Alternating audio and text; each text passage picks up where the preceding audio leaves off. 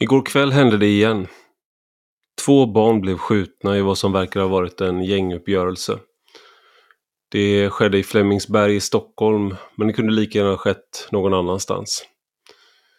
Gängkriget som vi bevittnar i Sverige just nu är urskillningslöst och hänsynslöst. Och jag är helt ärligt ganska trött på att läsa om det, höra om det och tänka på det. Så jag hade egentligen tänkt att ha en annan gäst eh, här än den jag har och att vi skulle prata om någonting annat än kriminalpolitiken. Eh, men sen tänkte jag om för att det känns som en plikt att behålla fokus på, på den här frågan och på vad som sker i samhället just nu. Eh, så i dagens avsnitt så pratar jag med Kim Malmgren som är kriminalreporter på Expressen och Eh, vi pratar om Encrochat, vi pratar om andra krypterade appar, vi pratar om eh, uppmärksammade domar och hur det hänger ihop med gangsterrap. Eh, och jag vet att en del av er kanske är trötta vid det här laget på att höra mig prata om det, men det är ganska intressant fortfarande för att det eh, kommer fram nya detaljer hela tiden inom det också. Du lyssnar på Rak Höger med mig, Ivar Arpi.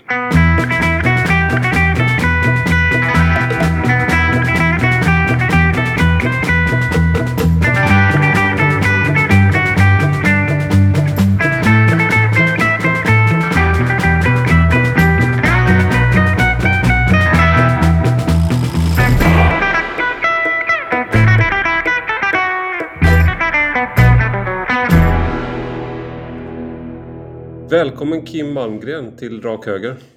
Tack så mycket.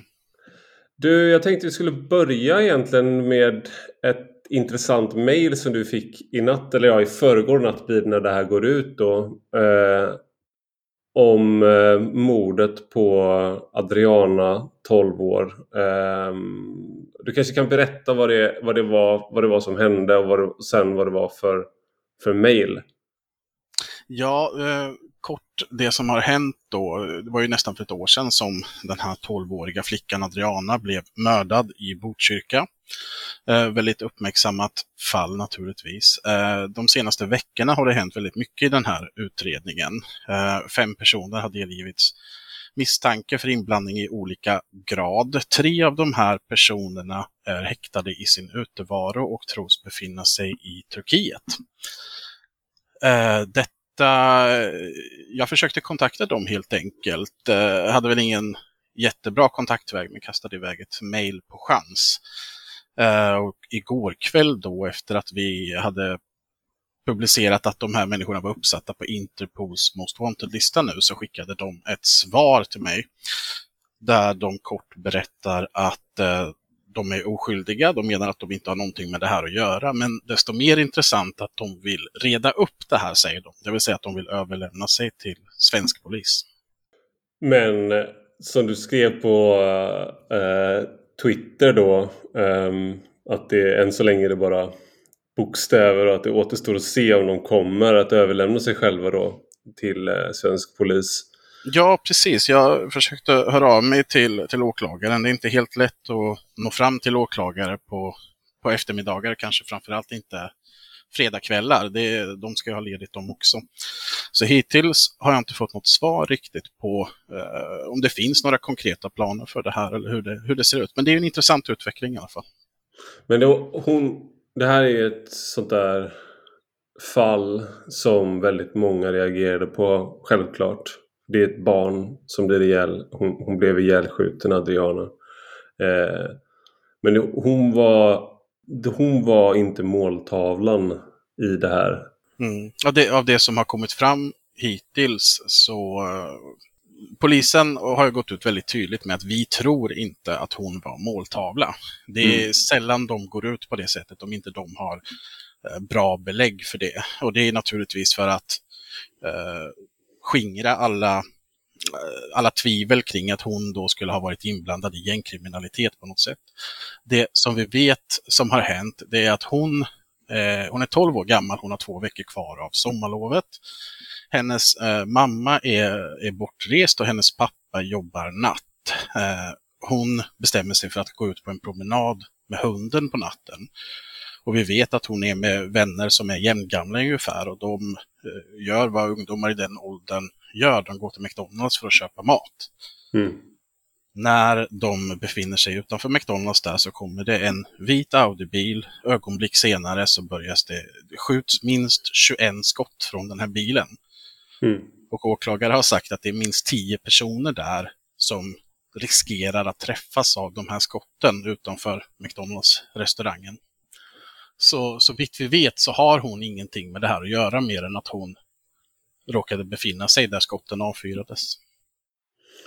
Det finns ju en... Det är ju så eh, fasansfullt på många sätt. Man, man hör ju väldigt ofta, eller det har varit så som en ett här återkommande talepunkt äh, från politiker och, äh, och polis sådär att det är väldigt ovanligt att tredje person, alltså människor som är inte är inblandade i den här världen blir och faller offer.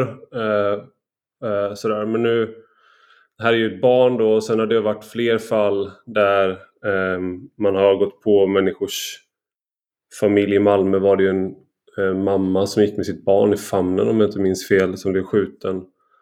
Och sen nu då ganska nyligen det eh, polisen i eh, Andreas i eh, Göteborg i Biskopsgården som blev skjuten.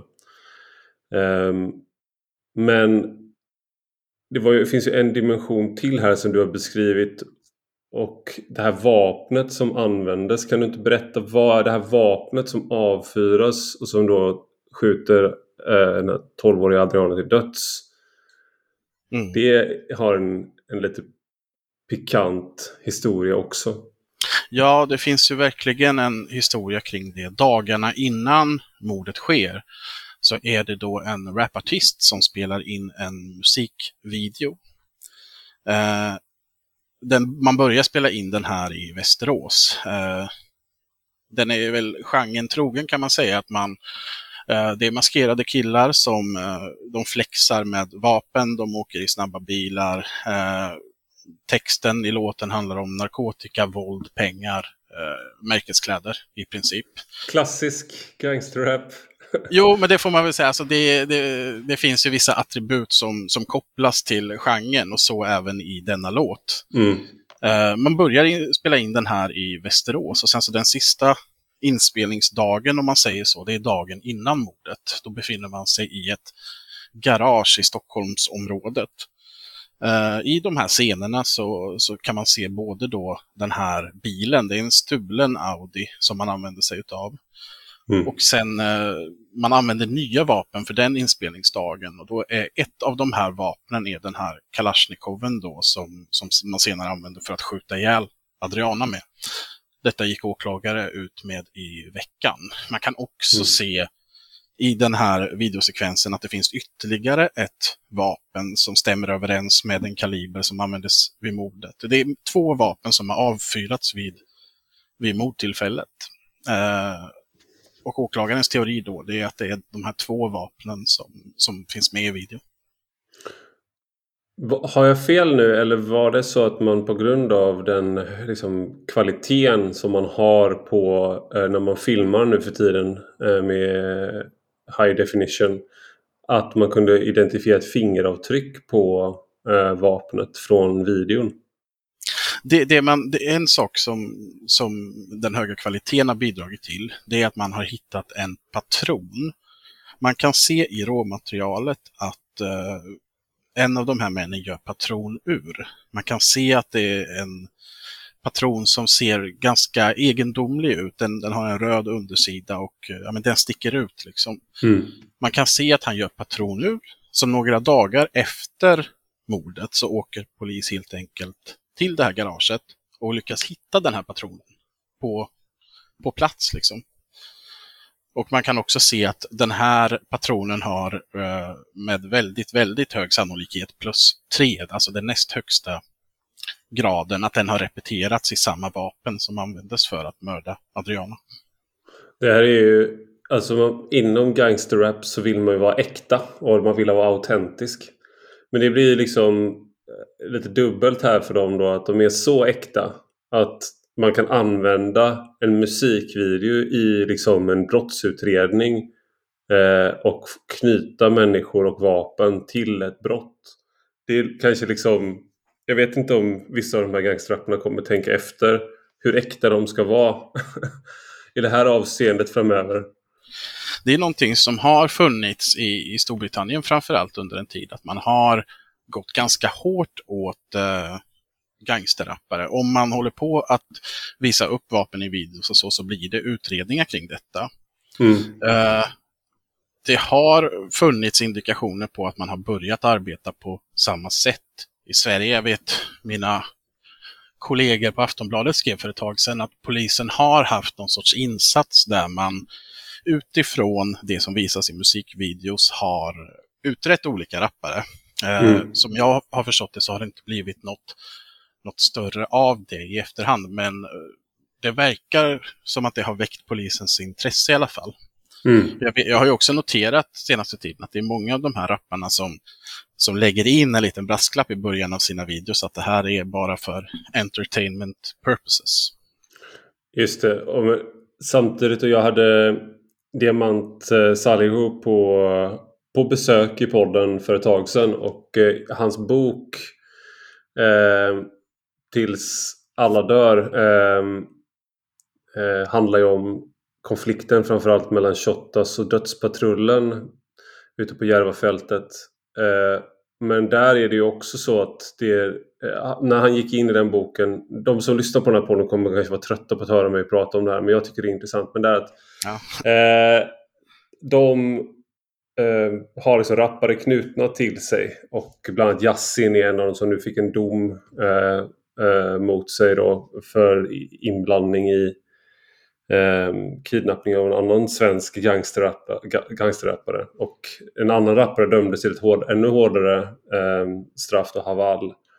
Eh, men just det här att de, eh, de är, polisen använder de, deras låtar för att förstå hur relationerna ser ut.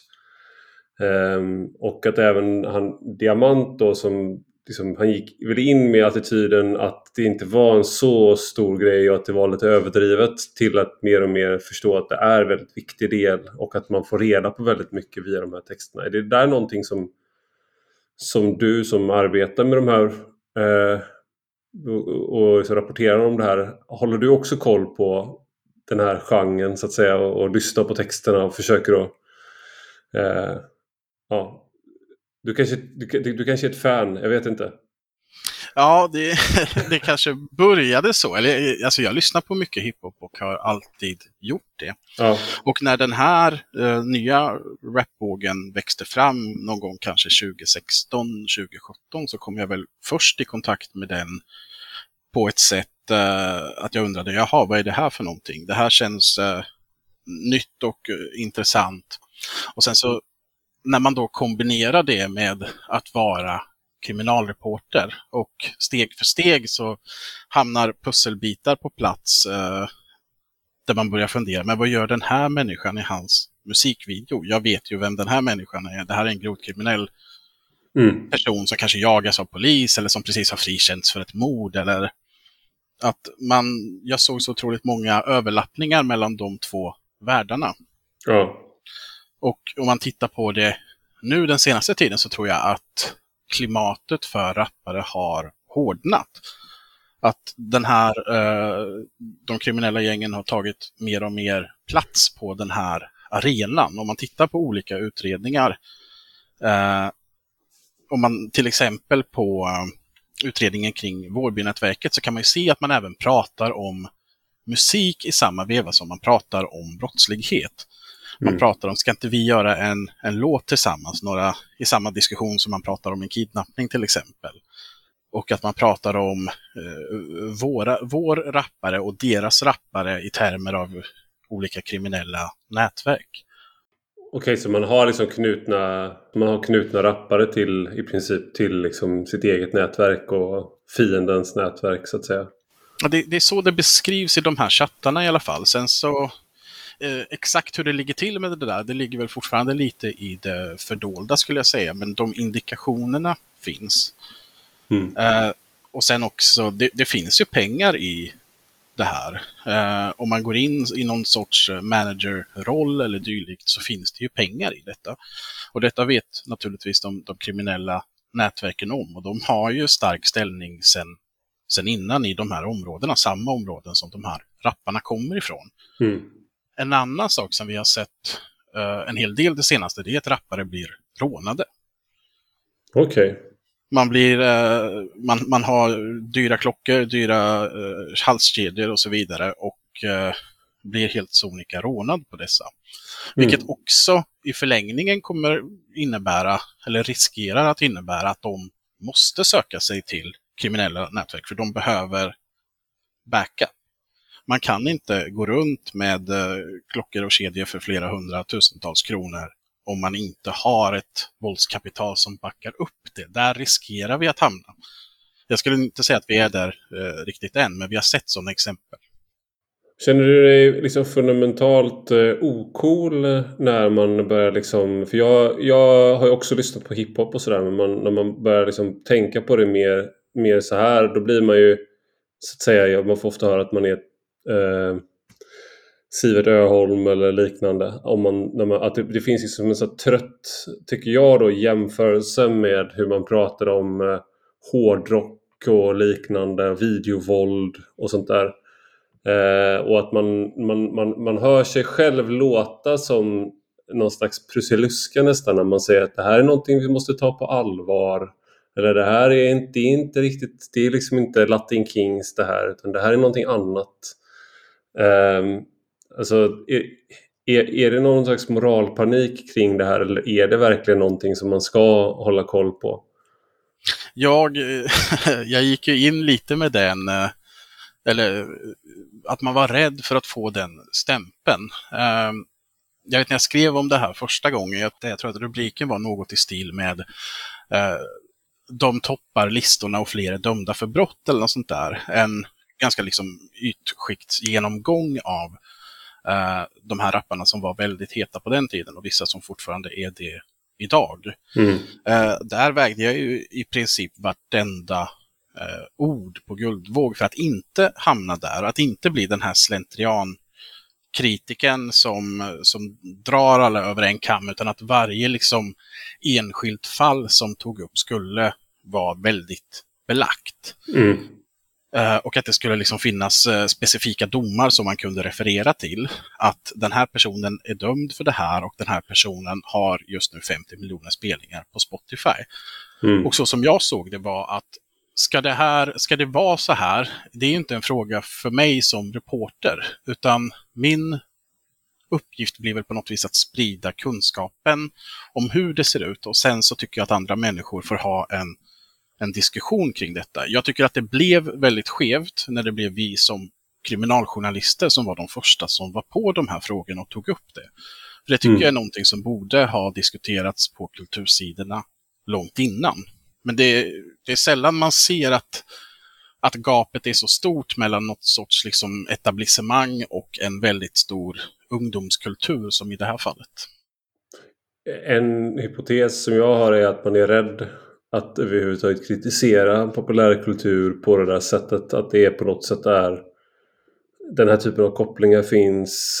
Eh, att, det, att, det, att, att det verkligen handlar om kriminalitet. Att det det, det finns så många förlagor i USA kring den här debatten. Det hade, min, min spontana tanke är att det nästan hade varit lättare om det handlade om eh, våldtäkt.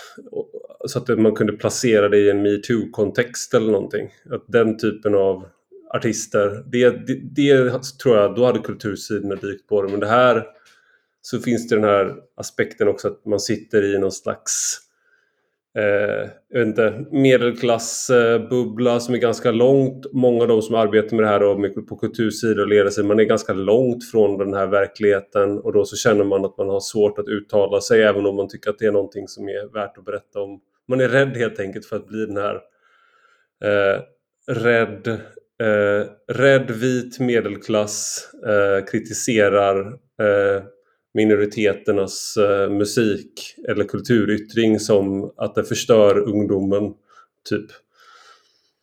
Ja, precis. Och det, det, går ju att diskutera det här på ett nyanserat sätt där man... Eh, jag tycker att går man tillbaka några månader och tittar på den här eh, Yassin och eh, Petri Guld och Grammis diskussionen, den blir ju väldigt onyanserad på något sätt. För det är så otroligt högt tonläge att det är svårt att få något vettigt sagt. Uh, människor är så otroligt arga över att det här får ske, att man inte riktigt uh, det, det, blir inget liksom sunt, nyktert samtal kring det, utan det blir istället två läger där det är väldigt upptrissat läge. Jag tror att det finns poänger eh, som är värda att belysa från, från båda sidor och det kanske man mm. kan göra Eh, nu framöver när läget har lugnat ner sig lite, uppfattar jag det som. Eh, om man jämför bara med, med Yasin när han eh, vann eller nominerades till Petri Guld jämfört med när han vann och nominerades till Grammis, då kändes det som när den här Grammis-nomineringarna dök upp, då var det som att men vi har redan liksom vi har redan varit arga över det här. Nu, vi orkar inte riktigt dra det här ett varv till. Nu är det som det ser ut. Liksom. Och så tror jag att många frågor på, på, på kriminalområdet är. Folk behöver få bli lite arga och sen kan vi börja liksom hitta lösningar på, på, på de olika frågorna. Just det. Jag tänkte vi ska prata om eh, Vårbynätverket för att det är det stora Encro, alltså man har knäckt eh, krypterade appar som kriminella använt och Encrochat är den mest kända. Eh, och nu då så kom domen mot Vårbynätverket i, eh, i dagarna. Och du, eh, skulle du kunna beskriva liksom vad är, det, vad är liksom Encrochat-målet vilka är Vårbynätverket och vad innebär den här domen? Eh, lite, lite väldigt kort då om, om Encrochat så är det en krypterad chatttjänst som eh, har använts av kriminella i väldigt hög grad sedan, säg 2017 ungefär. Uh, under våren 2020 så lyckas fransk polis hacka sig in där och kan då i realtid se vad användarna skriver till varandra den här informationen delas med sig till svensk polis som då kan följa bland annat Vårbynätverket när de diskuterar då väldigt känsliga kriminella upplägg. Mm. Uh, under ett antal månaders tid innan man slår till mot dem så att säga. Uh, under de här månaderna så kan man se att Vårbynätverket är synnerligen uh, brottsaktiva. De pratar om mordplaner. Man kan se att eh, de pratar om sprängningar. De hanterar stora mängder narkotika. De hanterar stora mängder vapen. De kidnappar också en känd svensk artist. Eh, ja, det är väldigt mycket brott på väldigt kort tid. Mm. Och de, det här är människor som har, så att säga, de har varit kriminellt aktiva under lång tid. Eh, och de har, det finns också eh, en intressant historia här med en av dem som, eh, som döms är en tidigare landslagsspelare i, i, eh, i fotboll i ungdomslandslaget. Mm. Eh, så det är inte bara liksom eh, människor så att säga som är om man tänker att man har en, eh, en analysen är att det här är misslyckade människor som inte har några alternativ eller det här är då, han kombinerar den här eh, killen, han kombinerar att vara man brukar prata om att ta sig ur då liksom svåra förhållanden, pratar man ofta om sport, musik, man har liksom sådana vägar ut, kriminalitet igen. Men den här är en person som faktiskt har valt han har klarat att bli väldigt, väldigt duktig i fotboll men han är också, blir också en del av, av Vårby-nätverket. Eller är det man, man kan ju se, han ställde ju upp i en intervju med Aftonbladet som egentligen tog avstamp i att han hade varit en väldigt duktig fotbollsspelare, spelat i ungdomslandslaget och så vidare. Men att han nu då förekom i, i flera olika utredningar och detta gjordes ju innan hela Encrobiten var känd, så han har ju varit misstänkt för grova brott även innan dess. Mm. Uh, men det man kunde se där var att han berättar själv att uh, han fick någon skada på korsbandet Eh, hade han kunnat komma tillbaka förmodligen, men livet med grabbarna i centrum lockade för mycket. Liksom. Mm. Han berättar även innan att han, han är uppe till, till två, tre på nätterna och hänger med dem. och sen drar han iväg och spelar match klockan åtta dagen efter. Att det, det är liksom inte en optimal uppladdning för någon som håller på med en elitsatsning. Nej, det, det låter jättejobbigt. Alltså jag får, får så här, jag får känsla, medkänsla med honom. Det vill jag inte ha. Det är en hemsk, han har gjort hemska saker men fy fan vad trött man måste ha varit. ja, ja visst. Men, men är man tillräckligt bra så kanske man kommer undan med det. Ja. Uh, grejen är väl att du inte, du når ju inte nästa nivå så att säga i din utveckling med den inställningen. Sen, det finns två, Encrochat har blivit, det har nästan blivit som att eh, alltså, det, det, är de krypterade eh, apparnas Google, alltså det, det är det alla känner till. Men det finns ju SkyCC också som är en annan krypterad eh, tjänst som man lyckades hacka sig in på. Skulle du kunna beskriva vad det var eh, för någonting? Ja, det är väl egentligen en, eh, en rival till Encrochat. Att går man tillbaka något år i tiden så fanns det två stora krypterade tjänster. Den ena var Encrochat och den andra var Sky. Mm. Uh, först så knäcktes Encrochat och många av användarna där spillde ju över då till Sky om de ville fortsätta prata krypterat. Sen dröjde det ju inte många månader innan även uh, polisen meddelade att man hade knäckt Sky på motsvarande sätt. Eh, där, vi har ju fått veta väldigt mycket om Encrochat senaste tiden och det är för att mycket har blivit offentligt i eh, färdiga förundersökningar. Där väntar vi fortfarande på att få se eh, exakt hur det har sett ut eh, kring Sky. Men vi kan väl anta att det ser ut ungefär som det har gjort i av, avseende Encrochat svensk polis har ju tagit emot eh, material som avser Sky ECC.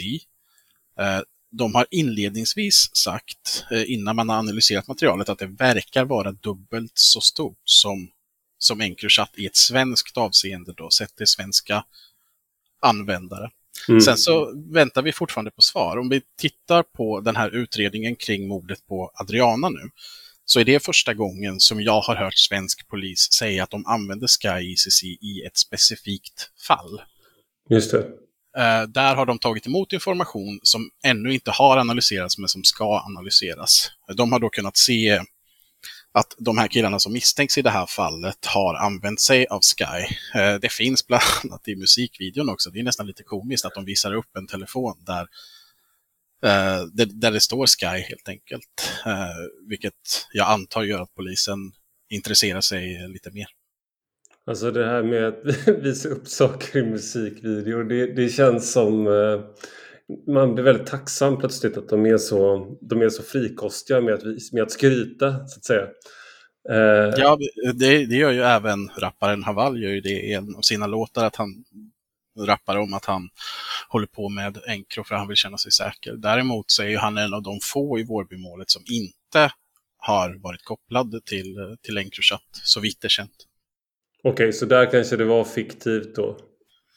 Ja, precis. Det är inte helt lätt att, att bedöma varje gång och där förstår Nej. jag också att polisen inte kanske vill lägga ner jättestora utredningar på, på att gå till botten med om någon säger att de håller på med någonting. För man kan ju se att mycket av det här är en kultur där man älskar att visa upp eh, guld, man älskar att visa upp pengar, man älskar att visa upp bilar, men huruvida man faktiskt äger de här grejerna eller har dem i besittning är ju inte alltid helt självklart. Många gånger visar det. det sig att det är, antingen är, är fejksaker eller att de är, är lånade eller så.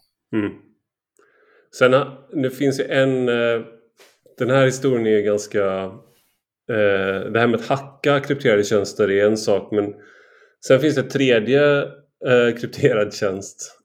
Eh, Anom. Och den... Eh, skulle du kunna beskriva vad det var för någonting? Ja, den är ju en, eh, en egen kategori egentligen. Jag minns när dagen innan, eh, när det blev klart att eh, polisen hade varit och samlat upp massa människor, gripit dem misstänkta för olika sorters brott. Och jag försökte höra mig för med olika poliskontakter. Vad är det som har hänt egentligen? För jag visste att de skulle gå ut med en presskonferens dagen efter. Och man märkte att eh, de, de ville inte säga någonting. De hade fått order om, om att hålla käften fram till mm. presskonferensen. Men man märkte på dem att de här liksom ganska råbarkade poliserna, de var nästan lite fnittriga. För att de, de visste att det här kommer skaka om ordentligt. Och jag fick från så Mm. många håll liksom, att missa inte den här presskonferensen, det kommer vara värt det, jag lovar dig. Liksom.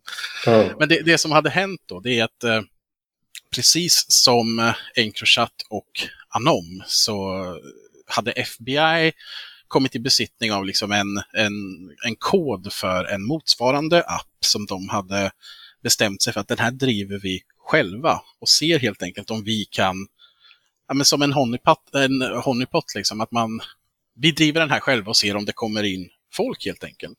Och man rekryterade även kriminella influencers som man kallade det.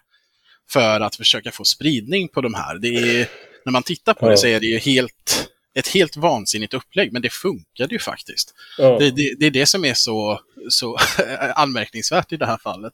Att de lyckas få då kriminella att sprida FBI's egen app eh, i sina egna kretsar. Och det slutar ju med att till slut är det tusentals människor, kriminella, som använder sig av de här. Mm. Eh, när då FBI bestämmer sig för att men nu, nu är vi klara här och säger till alla länder som är inblandade att eh, det, här, det här datumet och det här klockslaget, då, då slår vi till. Då stänger vi ner tjänsten och griper alla som liksom har gjort sig skyldiga till, eh, till brott. I Sverige så har man väl inte rätt från polisens sida eh, att göra motsvarande eh, hackning av Encrochat till exempel.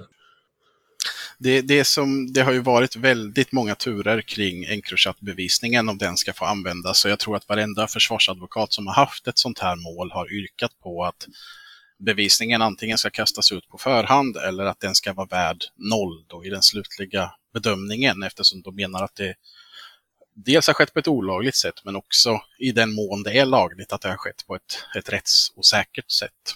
Mm. Eh, nyckelfrågan i det här, det är väl att huruvida polisen har... I Sverige har man ju inte möjlighet att övervaka urskiljningslöst. Eh, lagen om hemlig dataavlyssning har utvidgats de senaste åren så att man även kan avlyssna krypterade tjänster. Däremot så behöver man konkreta brottsmisstankar mot enskilda personer för att få till en sådan. Eh, I det här fallet, om vi tar Encro, så handlar det ju om, där har misstankarna uppstått när man har läst chattarna så att säga. Eh, får, får man göra så i Sverige? Det får man inte. Däremot så får man göra så i Frankrike. Så det som har skett är att det formellt sett är fransmännen som har gjort avlyssningen och sedan har Sverige via europeisk utredningsorder begärt det till eh, Sverige för att sedan analysera det färdiga materialet.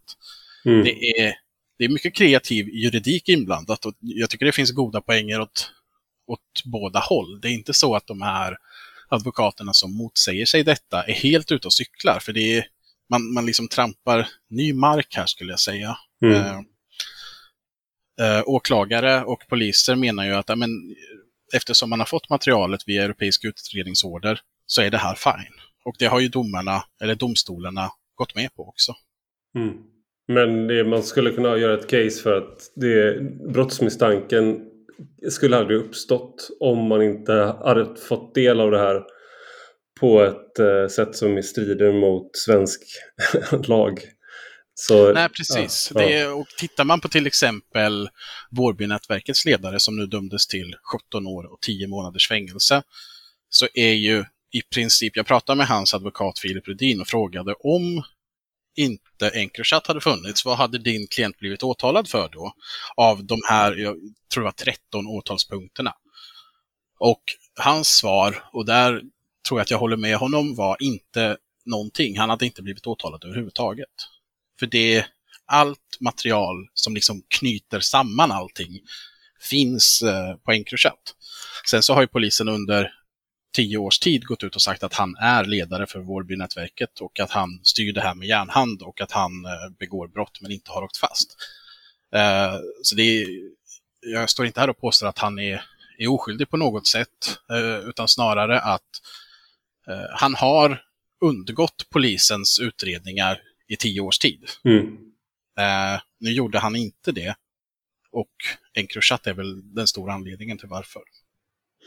Det är en sak som framkom i Vårbynätverket som du har rapporterat om är hur organiserade de var. Det finns ju det finns ju som en, en ett sätt att beskriva gäng i Sverige ibland och kriminella i Sverige som att de är eh, väldigt oorganiserade eh, och att, det, att det, det är svårt, de, att de inte är som MC-gängen, att man har kontrasterat dem mot den formella organisationen som de har.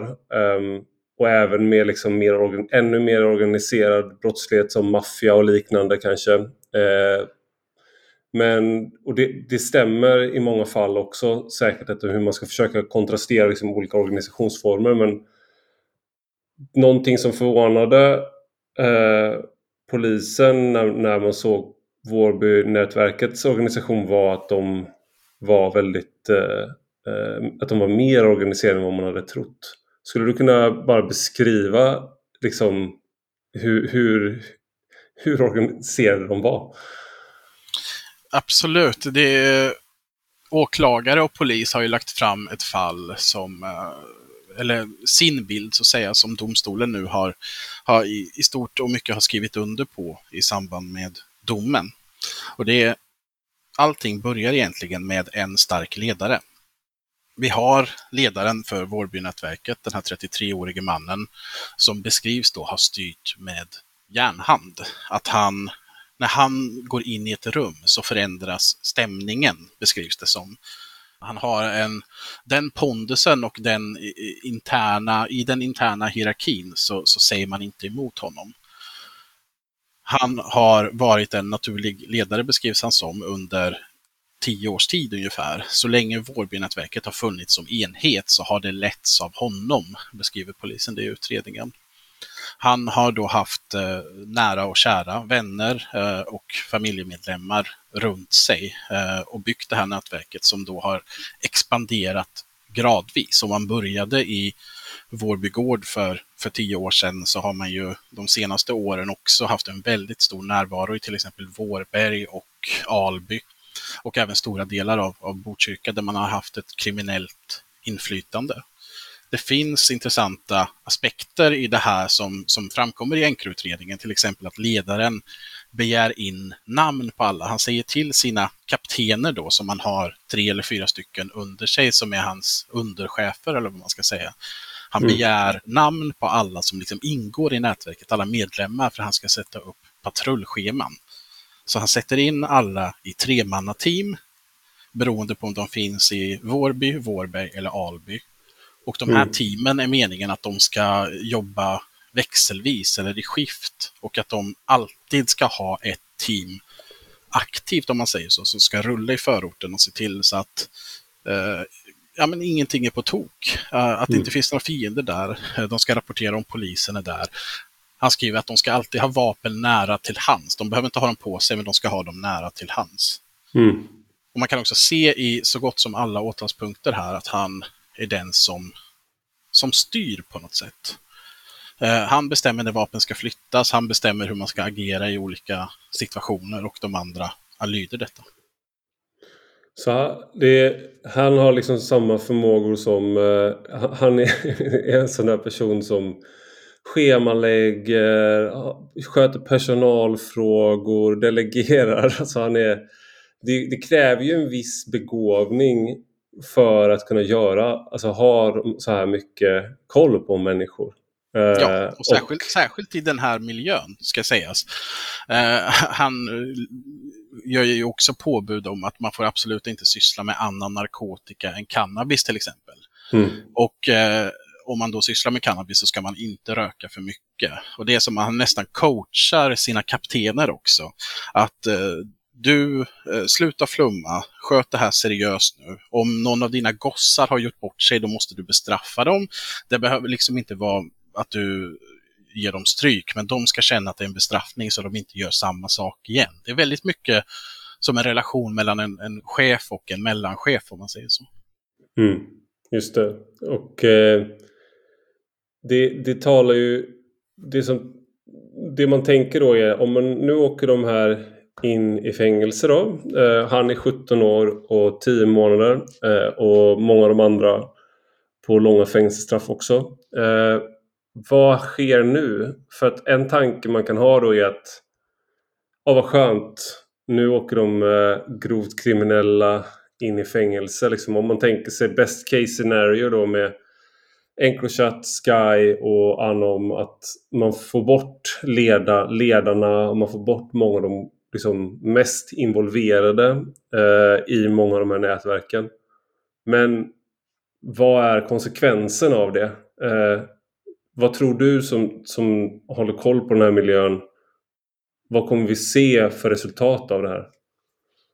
De första rapporterna jag fick från Vårby efter att man hade eh, gripit ja, men i stort sett hela ligan, i alla fall kärnan och eh, en stor svans runt omkring, var att det hade blivit lugnare till en början. Mm. Eh, det dröjde inte många månader innan jag fick nya rapporter om att det står unga killar och eh, förmodas sälja narkotika, precis som det har skett tidigare. Mm. Eh, det, det, är så pass utbrett det här skulle jag säga att uh, om någon försvinner så kommer det alltid finnas en annan som vill ta den personens plats. Mm. Och i värsta fall så finns det flera personer som vill ta den här platsen och att de är villiga att uh, ta till våld för att se till att det är de som, de som får platsen i slutändan.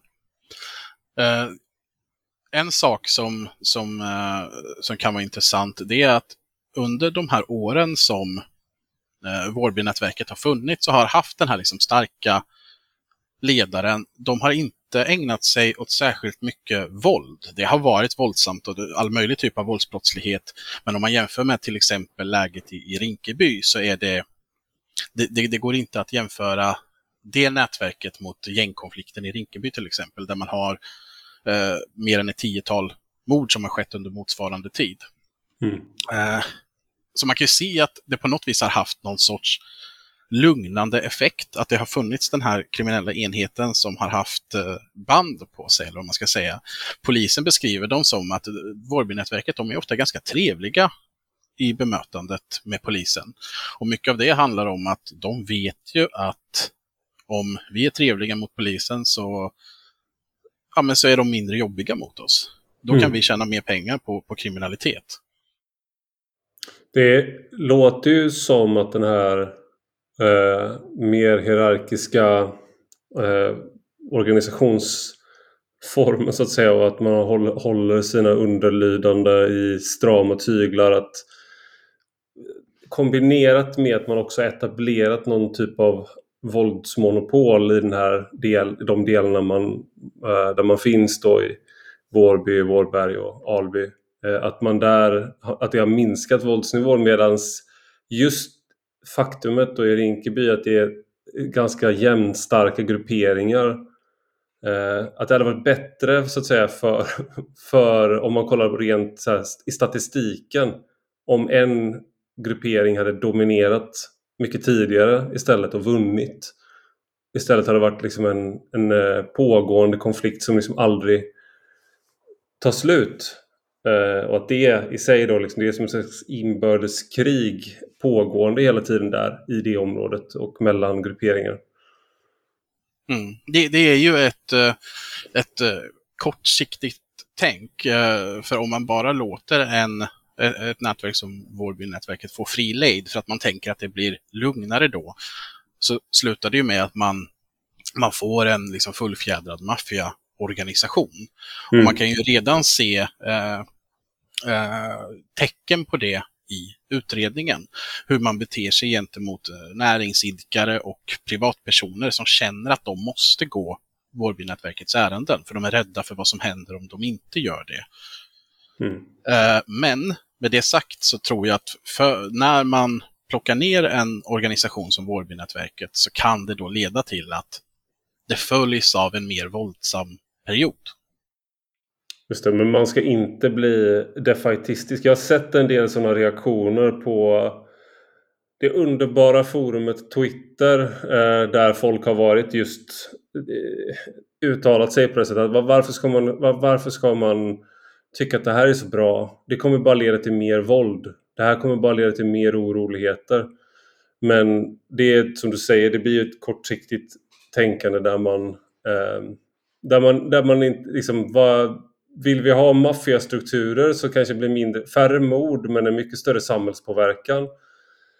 eller vill vi liksom bekämpa kriminaliteten så att det inte får den stora samhällspåverkan men å andra sidan så kan det spilla över i den typen av, det kanske inte är en helt korrekt dikotomi här men det kan då riskera att spilla över i den typen av dåd som det vi inledde med att prata om som den här 12-åriga Adriana, att hon blev, blev eh, skjuten till exempel. Alltså den typen av uppgörelser eh, på öppen gata.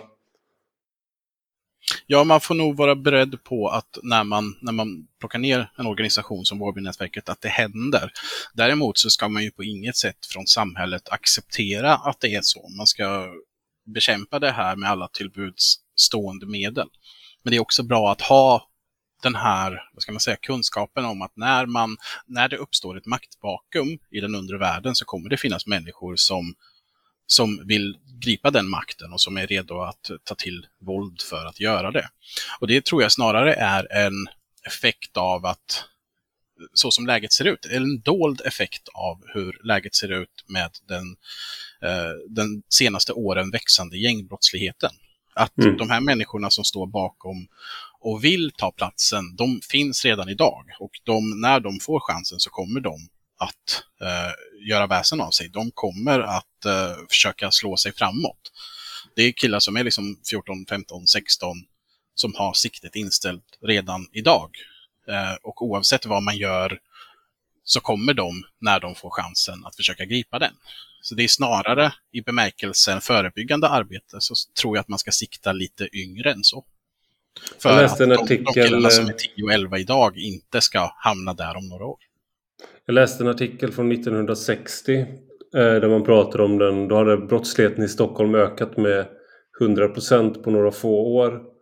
Eh, och särskilt ungdomsbrottsligheten hade ökat väldigt mycket. Och då hade man en presskonf eller en stor, eh, liksom, inte presskonferens men en, eh, ett möte eh, med olika politiker och poliser och sånt. Och då sa man just att vi börjat för sent för att när, folk, när de är 13 år då är de ofta redan, liksom, har de redan blivit så förhärdade att det inte går att nå dem. Och då har de redan en så lång liksom, lista på brott bakom sig.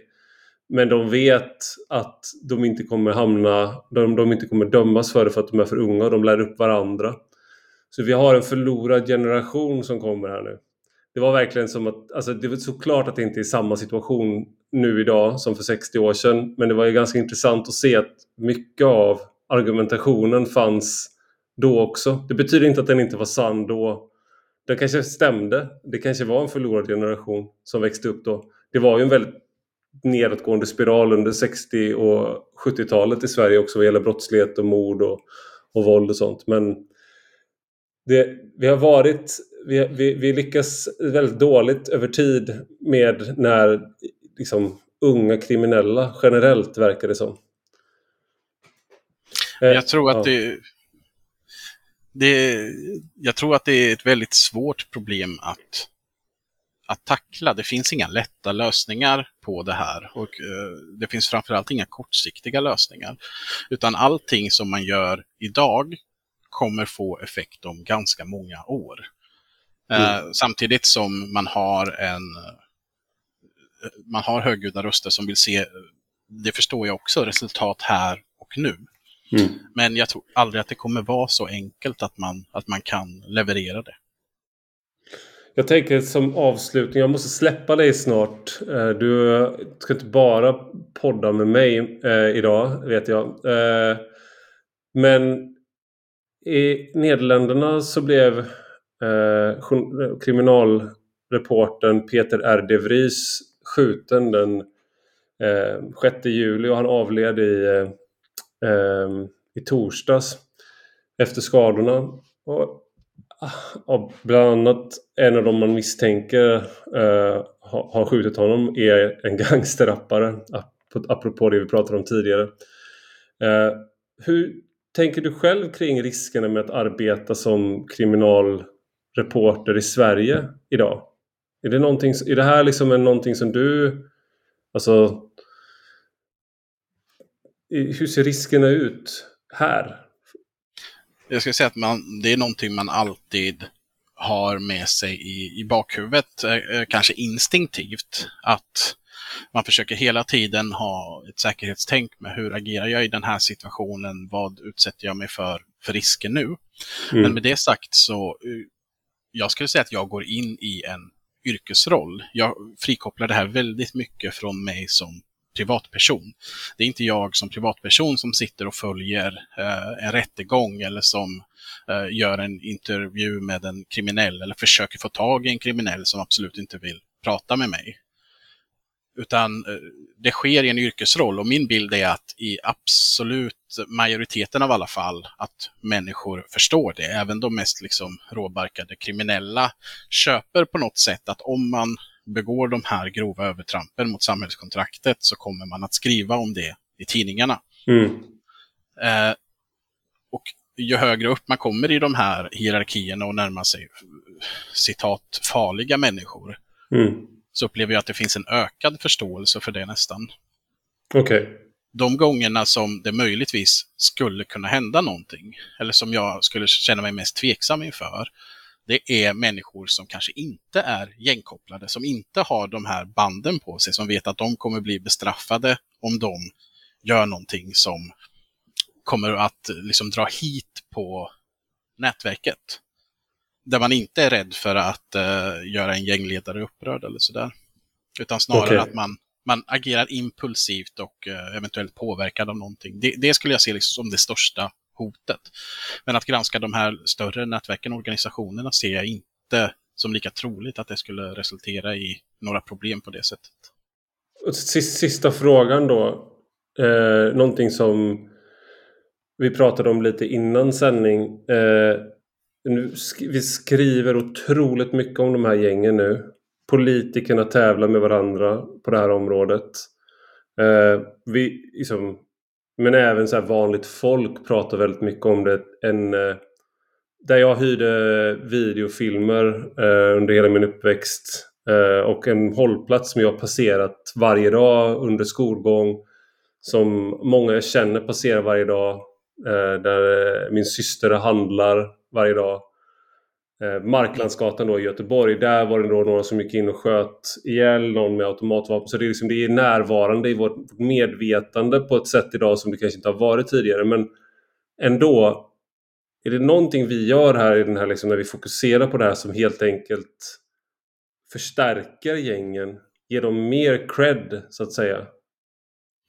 Jag tror att det finns en, en eh, intressant diskussion där och jag tror att svaret ligger i att man måste hitta en balans. Eh, det är inte så att vi ska skriva allt och det är inte så att vi ska skriva ingenting.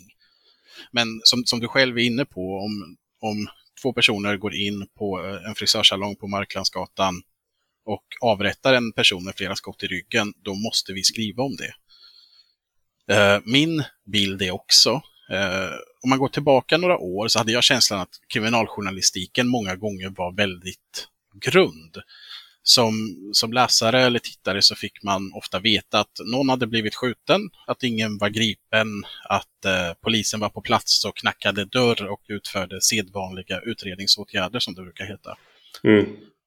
Eh, sen så föll det här fallet ganska mycket i, i glömska efter det. Eh, några dagar senare rapporterar man om nästa skjutning. Men det som inte fanns var liksom, ah, okej, okay, är de här två sammankopplade på något sätt? Vilka personer är inblandade? Vilka kriminella nätverk är inblandade? Alltså kort sagt, varför sker det här och vilka är inblandade? Mekanismerna bakom. Det har jag alltid tyckt är liksom det, det viktiga och mest relevanta egentligen, att förklara varför det sker och vilka som är inblandade. Och det är först när man har de svaren och kan börja laborera kring den kunskapen så man får en rättvis bild av vad det är som händer. Det är också då man ser att många av de här personerna återkommer i fall efter fall efter fall. Särskilt många gånger när de inte döms. Eh, eller kanske ens misstänks, men man kan se att de finns i den här miljön. Det är samma nyckelpersoner som återkommer gång på gång på gång. Eh, Eh, och om man tittar på det ur ett marknadsföringsperspektiv, att uh, det, det, det, tycker jag ofta att vi hamnar också, det här med att vi ska inte använda namn som, som gängen uh, själva har valt sådär. Mm. Jag tror att vi behöver något, jag, jag, kan hålla delvis med om den uh, retoriken. Eh, det jag tycker är väl att man behöver på något sätt kunna eh, egen, de behöver ett egennamn på något sätt för att man ska kunna säga att den här gången var det den så kallade dödspatrullen igen. Att det, är, det här är femte gången på väldigt kort tid som samma gruppering förekommer i, i de här fallen med eh, grov brottslighet. Och tittar man på det som marknadsföring så behöver inte de eh, reklam eller vad man ska säga från traditionella medier idag. Jag brukar jämföra det med, med uh, nöjesjournalistiken som har, väldigt, som har varit väldigt stor i kvällstidningarna under många år, men som nu har tagit ett steg tillbaka. Och det naturliga svaret på det, det är för att man istället följer kändisars Instagramkonton. Mm, just det. På samma sätt fungerar det i den kriminella världen, upplever jag. Här finns det människor som har 20 000 följare på Instagram som enbart är kända för att de är brottslingar. Det är liksom mm. deras enda claim to fame. Och människor som bor i samma område som de vet vilka de är. Det är inte så att de läser i Expressen och för första gången ser oj, finns det en sån här människa i mitt område? Nej. Det är väldigt ofta som folk redan känner till det. Men det som jag tycker att man behöver göra det är att få resten av Sverige att känna till det också. Eh, problem som man inte känner till kan man inte lösa. Och det är där det börjar någonstans, upplever jag. Stort tack Kim Malmgren för att du var med i Rak Höger. Tack för att jag fick komma. Och stort tack till dig som har lyssnat. Eh, och det här är alltså Rak Höger med Ivar Arpi som du har lyssnat på och det är en del av en större publikation som finns på ivararpi.se eller ivararpi.substack.com. Och jag gör det här på heltid numera, så om du vill att jag ska fortsätta, om du tycker att det jag gör är bra, så får du gärna bli prenumerant. Och då får du två texter och en podcast i veckan. Och det kan du börja göra då på ivararpi.substack.com. Och om du vill får du gärna gå in och skriva en recension på Apple Podcasts så jag vet vad du tycker. Tack och hej!